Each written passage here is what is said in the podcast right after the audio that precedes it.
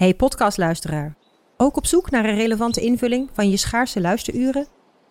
Tune dan in op de podcastserie ESG, even samengevat van BNP Paribas. Wij, Marloes en Aldert, spreken daar duurzame voorlopers en wereldverbeteraars. Waarover dan? Nou, bijvoorbeeld of we ooit duurzaam kunnen gaan vliegen. En waarom koeien in de stad nou een goed idee is? Dat en meer elke twee weken in een nieuwe aflevering. Dus abonneer je. ESG, even samengevat. Ik ben al jaren ondernemer, maar waar moet ik eigenlijk allemaal aan denken nu ik voor het eerst personeel wil aannemen, voor het eerst ga importeren of voor het eerst een bedrijfslocatie zoek? Weet wat je wel of niet moet doen bij zaken die je voor het eerst oppakt. Check kvk.nl voor praktische stappenplannen. KVK, hou vast voor ondernemers.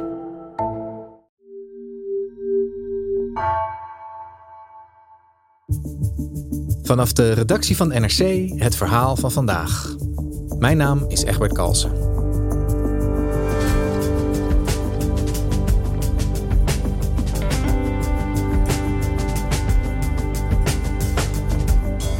Sinds de dood van Rembrandt-autoriteit Ernst van de Wetering is het prijsschieten op de kunstmarkt. Er worden nu voor miljoenen bedragen schilderijen verkocht als werken van Rembrandt, terwijl experts die toeschrijvingen soms in twijfel trekken. Verslaggever Arjen Ribbens dook in de wereld van de oude meester en ontdekte een waar wild westen.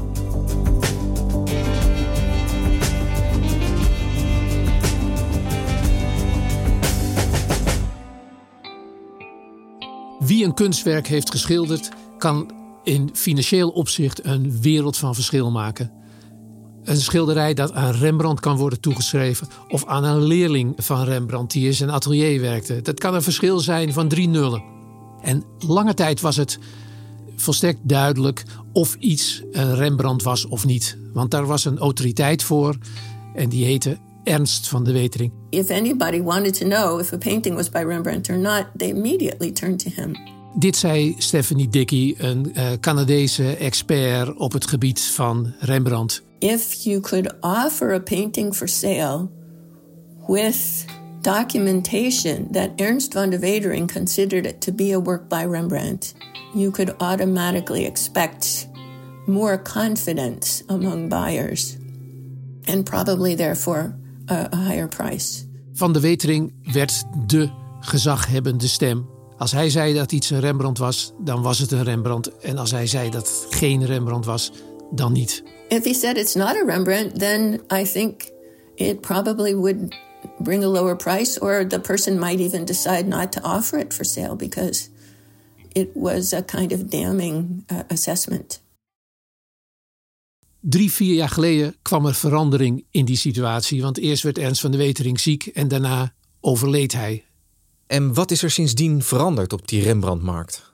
Sindsdien is sprake van Wild West taferelen in Rembrandtland. There is no one real authority who reigns supreme.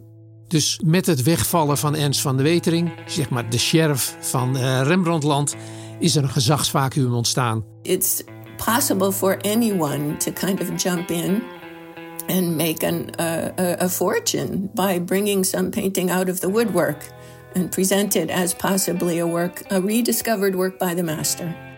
Ten eerste is het zo dat uh, Rembrandt-deskundigen nu overspoeld worden door mensen die in het bezit zijn van Rembrandteske schilderijen die niet als Rembrandt te boek staan. Met de vraag: zou je ze kunnen helpen ze aan Rembrandt toe te schrijven? En ten tweede is het zo, zeggen handelaren en andere experts, dat de veilinghuizen profijt uh, proberen te trekken van dat gezagsvacuum door schilderijen aan te bieden die aan Rembrandt worden toegeschreven en voor enorme bedragen verkocht worden. A painting valued at $15,000 just a couple of years ago has now been sold at an auction in London for nearly 14 million bucks. Adoration of the Kings. Zie hier Jan en Jaap Gun. Twee herontdekte werken van Rembrandt. Portretten van zo'n 20 centimeter, niet heel groot dus. Deze zomer worden ze geveild in Londen. Zowel Sotheby's als uh, Christie's, de twee grootste veilinghuizen ter wereld, hebben een aan Rembrandt toegeschreven schilderij verkocht. Beide schilderijen zijn voor 13 miljoen euro omgerekend uh, verkocht. Maar lang niet iedereen gelooft dat die schilderijen door Rembrandt uh, zijn gemaakt. En gezien die grote bedragen ligt de vraag dus voor de hand: is het tijd voor een nieuwe sheriff in Rembrandtland? Voor een nieuwe Ernst van de Wetering? Die dood van Ernst van de Wetering die heeft dus echt uh, grote gevolgen gehad. Maar kan jij eens uitleggen waarom hij zo'n cruciale rol speelde in dat toekennen van die status van een echte Rembrandt? Ernst van de Wetering was een kunsthistoricus die bijna heel zijn leven met Rembrandt is bezig geweest. In 1968 kwam hij bij het Rembrandt Research Project. Dat was een groot onderzoeksproject dat uh, de schilderijen van Rembrandt opnieuw in kaart zou brengen. En in het begin was hij dat met een heel team. Maar de laatste 16, 17 jaar deed hij dat ongeveer in zijn eentje. En nou ja, dat gaf hem dus een enorme autoriteit. En voor de kunstmarkt was die autoriteit fijn, want het gaf duidelijkheid. Stond Van de Wetering erachter, dan kon je ermee uh, de boer op. A bankable opinion, zei uh, een Amerikaanse expert. Veel gezag en ook veel macht dus in de handen van één instituut en één persoon van de Wetering. Ja. Kan jij eens vertellen, hoe stel je eigenlijk vast of een doek een Rembrandt is, ja of nee? Het antwoord op die vraag is nog niet zo makkelijk uh, te geven. Daar heb je iemand voor nodig, zoals Volker Manhoet. Daar heb ik wel regelmatig mee te maken. En dat is ja, moeilijk te zeggen, maar vaak twee, drie keer per week. Manhoet is een, uh, een hoogleraar die uh, aan de Universiteit van Nijmegen werkt. En auteur van een groot boek over Rembrandt, waar al zijn schilderijen in staan. En Manhoet wordt regelmatig door veilinghuizen en uh, particuliere schilderijenbezitters gevraagd om zijn mening. Ze worden gestuurd door heel verschillende mensen. Het zijn verzamelaars van, van schilderijen. Het zijn mensen die door toeval in bezit gekomen zijn van bepaalde dingen. Um, die iets geërfd hebben, um, die iets op zolder gevonden hebben. Dat is heel divers. En ze willen natuurlijk allemaal weten: uh, kunt u niet even snel uh, zeggen: is die nou goed of is die niet goed? En zo, zo, zo werkt het natuurlijk niet. Het toeschrijven van oude meesters, daar heb je drie soorten onderzoek voor. Je hebt het oog van de kenner, die nou, alles weet van een bepaalde kunstenaar. De verftoets, de wijze waarop een schilderij is opgebouwd, zijn thematiek, zijn verfbehandeling enzovoort. En zegt van dit is van de hand van Frans Hals of van Rembrandt. Dan heb je het historisch onderzoek. En de laatste decennia is er een derde, zeer belangrijke uh, onderzoeksmethode bijgekomen. Namelijk die met behulp van natuurwetenschappelijke apparatuur. Dus met röntgen en met infrarood uh, opnames. En die, die drie onderzoeksmethoden samen, die versterken elkaar en uh, nou, bepalen in welke mate een bepaald schilderij aan een kunstenaar kan worden toegeschreven. En dan uh, komt het wel aardig overeen met het werk van een detective die um, van alles en nog wat moet proberen om uh, informatie over bepaalde dingen te verzamelen. Maar al die argumenten op basis waarvan een schilderij door experts aan een bepaalde kunstenaar wordt toegeschreven, dat blijven uh, in die end vaak opinies. Het, het toeschrijven van schilderijen aan oude meesters is geen exacte wetenschap. Ja, dus je komt een eind met wetenschappelijk onderzoek over, over methodes en over materialen, maar uiteindelijk blijft het dus een interpretatie. Ja, en wat het bij Rembrandt extra moeilijk maakt, is dat Rembrandt niet één persoon is, maar een hele wereld. Een atelier met, uh, met leerlingen en allerlei mensen die hem hielpen. He, er waren experts in het schilderen van luchten en experts in het schilderen van gordijnen enzovoort. Dus Rembrandt had veel hulp. En omdat uh, Rembrandt dus een, een hele wereld was met een atelier met, uh, met, met leerlingen, is uh, bepalen in hoeverre iets nou van Rembrandt is en hoeverre van zijn ateliergenoten, dat is een wetenschap op zich. En die, die enorme ruimte die er is voor discussie, is natuurlijk vanuit wetenschappelijk uh, standpunt heel interessant. Maar voor de kunstmarkt is het anders, want daar is het een beetje binair in de zin van het is ja of nee. Uh, wel een Rembrandt, dan kan er een hele hoge prijs op gezet worden. En is het misschien maar voor een klein gedeelte Rembrandt, dan gelden hele andere prijzen. En omdat er geen Ernst van de Wetering uh, meer is, zien de veilinghuizen kansen om uh, Rembrandteske schilderijen aan Rembrandt toe te schrijven.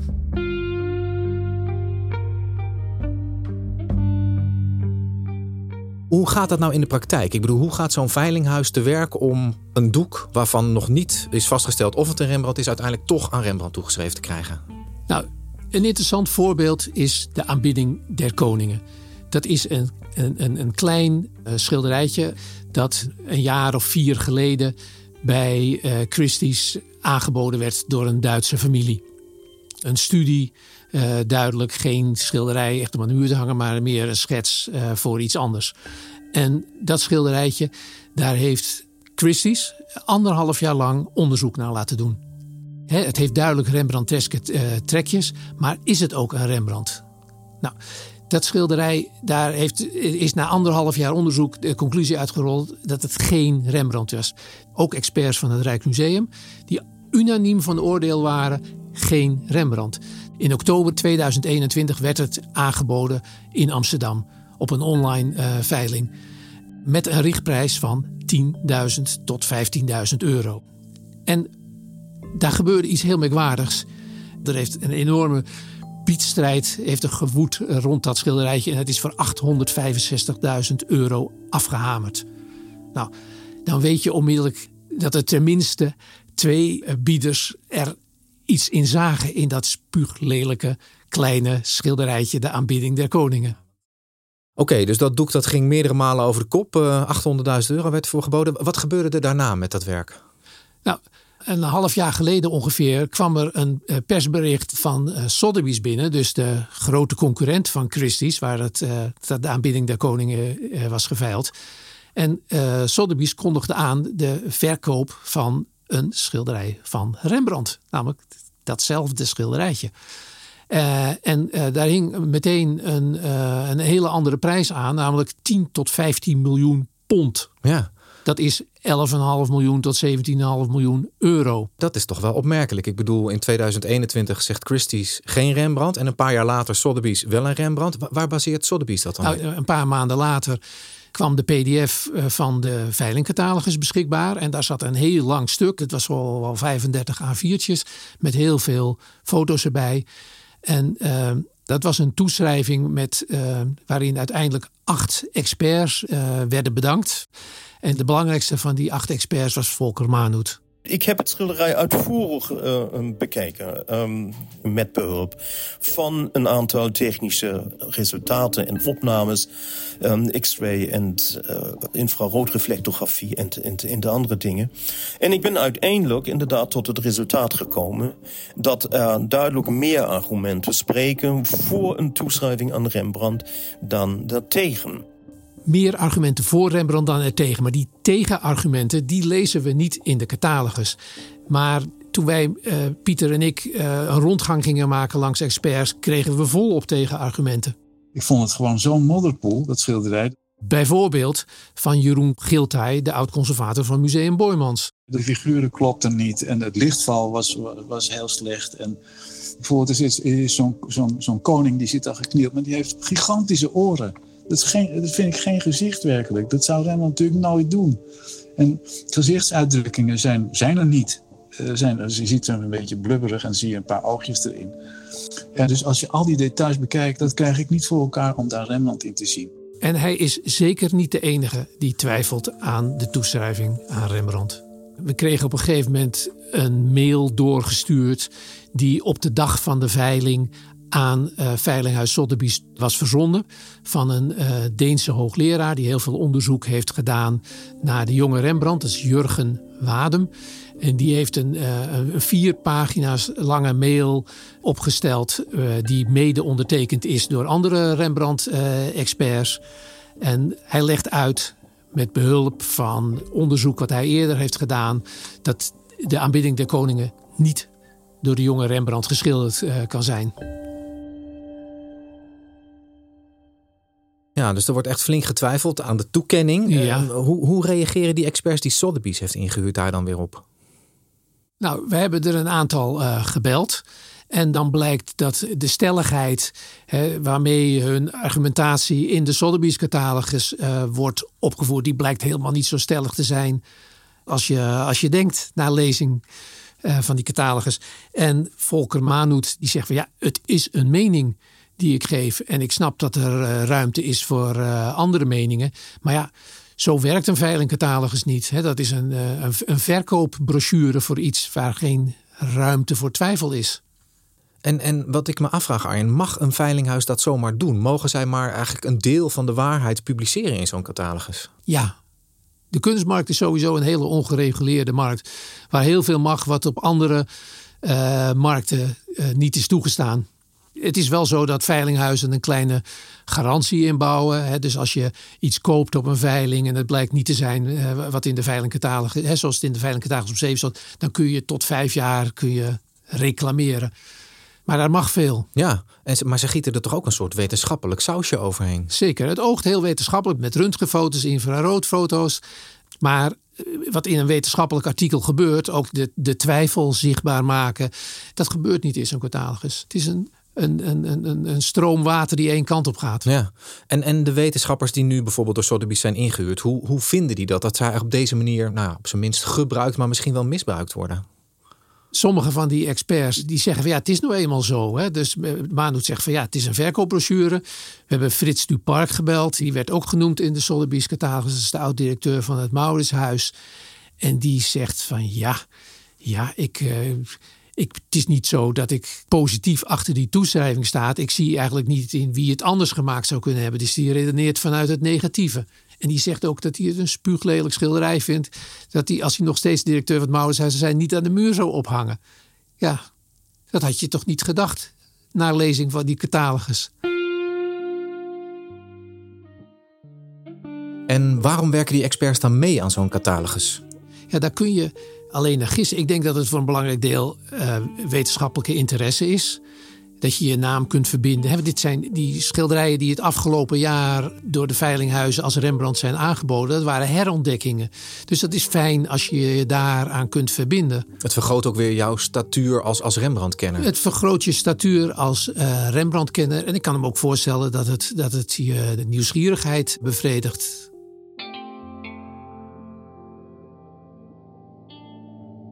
Ja, Arjen, een van de dingen die, die, die mij fascineert is, ik bedoel, er staat nogal wat op het spel, hè? Uh, kunsthistorisch, maar zeker ook financieel.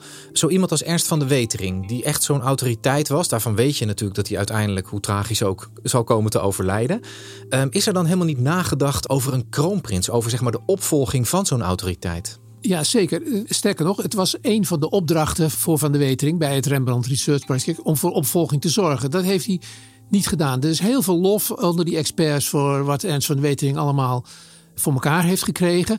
Maar een punt van kritiek die we regelmatig uh, oppikken is dat hij niet voor nachtwoegs, zoals iemand het noemde, voor opvolging heeft uh, gezorgd. Ja, en, en waarom is dat? Weet jij dat? Geen idee. Ja, er zijn experts die zeggen, ja, hij was zelf eens een beetje Rembrandt geworden. Een, een, een, een paus die geen tegenspraak uh, dulde. Misschien leende zijn karakter zich niet zo goed voor samenwerking. Het gevolg is dat we met de chaos, met het Wilde Westen zitten waar we nu uh, het over hebben. Wat vinden die experts daarvan? Ik bedoel, is dit een wenselijke situatie voor zo'n belangrijke kunstmarkt? Nou, je hebt twee dingen. Je hebt de experts uh, aan de ene kant en de kunstmarkt aan de andere kant. Alle experts betreuren het wegvallen van Ernst van de Wetering. Maar tegelijkertijd zijn ze ook wel een beetje opgelucht. Do we need a new sheriff in town? Do we need a new Ernst van de Wetering? I actually don't think so. I think it's healthier when there's debate and discussion. Ja, ik, ik vind het eigenlijk eerlijk gezegd ook wel goed als er verschillende meningen bestaan. Want dan, dat geeft ook aan hoe ingewikkeld het vaak is. I think that's a much better way to really learn something about Rembrandt. Dat ze nu weer gewoon hardop kunnen zeggen wat ze uh, ergens van vinden. En dat ze niet meer tegen de autoriteit van Ernst van de Wetering in hoefden te gaan. Dat was lang niet zo en dat is ook de reden waarom veel collega's uiteindelijk deze discussie is uit de weg gegaan zijn. Maar aan de andere kant heb je de kunstmarkt en die, die zijn niet gebaat bij discussie, die zijn gebaat bij een ja of een nee. Is het een Rembrandt? Is het een Leonardo da Vinci? Want als het een ja is, nou ja, dan, dan uh, vallen er zaken te doen. Dus die twee tegengestelde belangen uh, zie je nu dan is uiteindelijk natuurlijk de vraag: uh, wie, wie, trekken er aan het langste eind? Hè? Zijn dat de wetenschappers die graag willen discussiëren? Of is dat de kunstmarkt die toch nou, graag weer een autoriteit wil hebben? Wat, wat, wat denk je? De kunstmarkt wil graag een autoriteit hebben. En er wordt ook uh, nagedacht. En uh, meestal is het zo dat zo'n autoriteit op een gegeven moment wel boven komt drijven. Als het gaat om Rembrandt, zie je eigenlijk twee voor de hand liggende kandidaten. Veel experts zeggen van Volker Manoet, die, de, die net een grote Rembrandt-catalogus heeft zou een hele goede nieuwe Ernst van de Wetering kunnen zijn. En aan de andere kant heb je het Rijksmuseum. Rijksmuseum is de hoeder van de grootste Rembrandt-collectie ter wereld. Er werken heel veel experts, er zijn uh, allerlei onderzoeksfaciliteiten. En uh, dat zou ook een hele geschikte kandidaat kunnen zijn. En het maakt overigens behoorlijk groot verschil wie de nieuwe Rembrandt-autoriteit heeft. Want neem die twee herontdekkingen van het afgelopen jaar. Daar denken het Rijksmuseum en Volker Manhoet heel anders over. Het geeft maar aan hoe ingewikkeld het is om schilderijen waar geen sluitende herkomstgeschiedenis bij is, om die toe te schrijven aan de hand van Rembrandt. Ja, en daarmee blijft het ook journalistiek spannend, denk ik. En daardoor blijft het journalistiek ook spannend en uh, zal er uh, altijd discussie blijven. Dankjewel, Arjen. Graag gedaan, Egbert.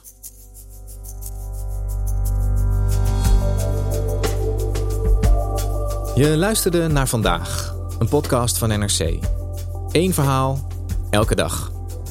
Deze aflevering werd gemaakt door Ignaas Schoot, Iris Verhulsdonk en Misha van Waterschoot. Coördinatie Henk Ruigrok van de Werven. Dit was vandaag, maandag weer.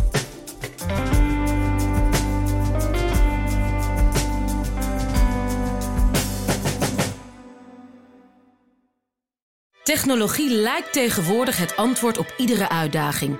Bij PwC zien we dit anders.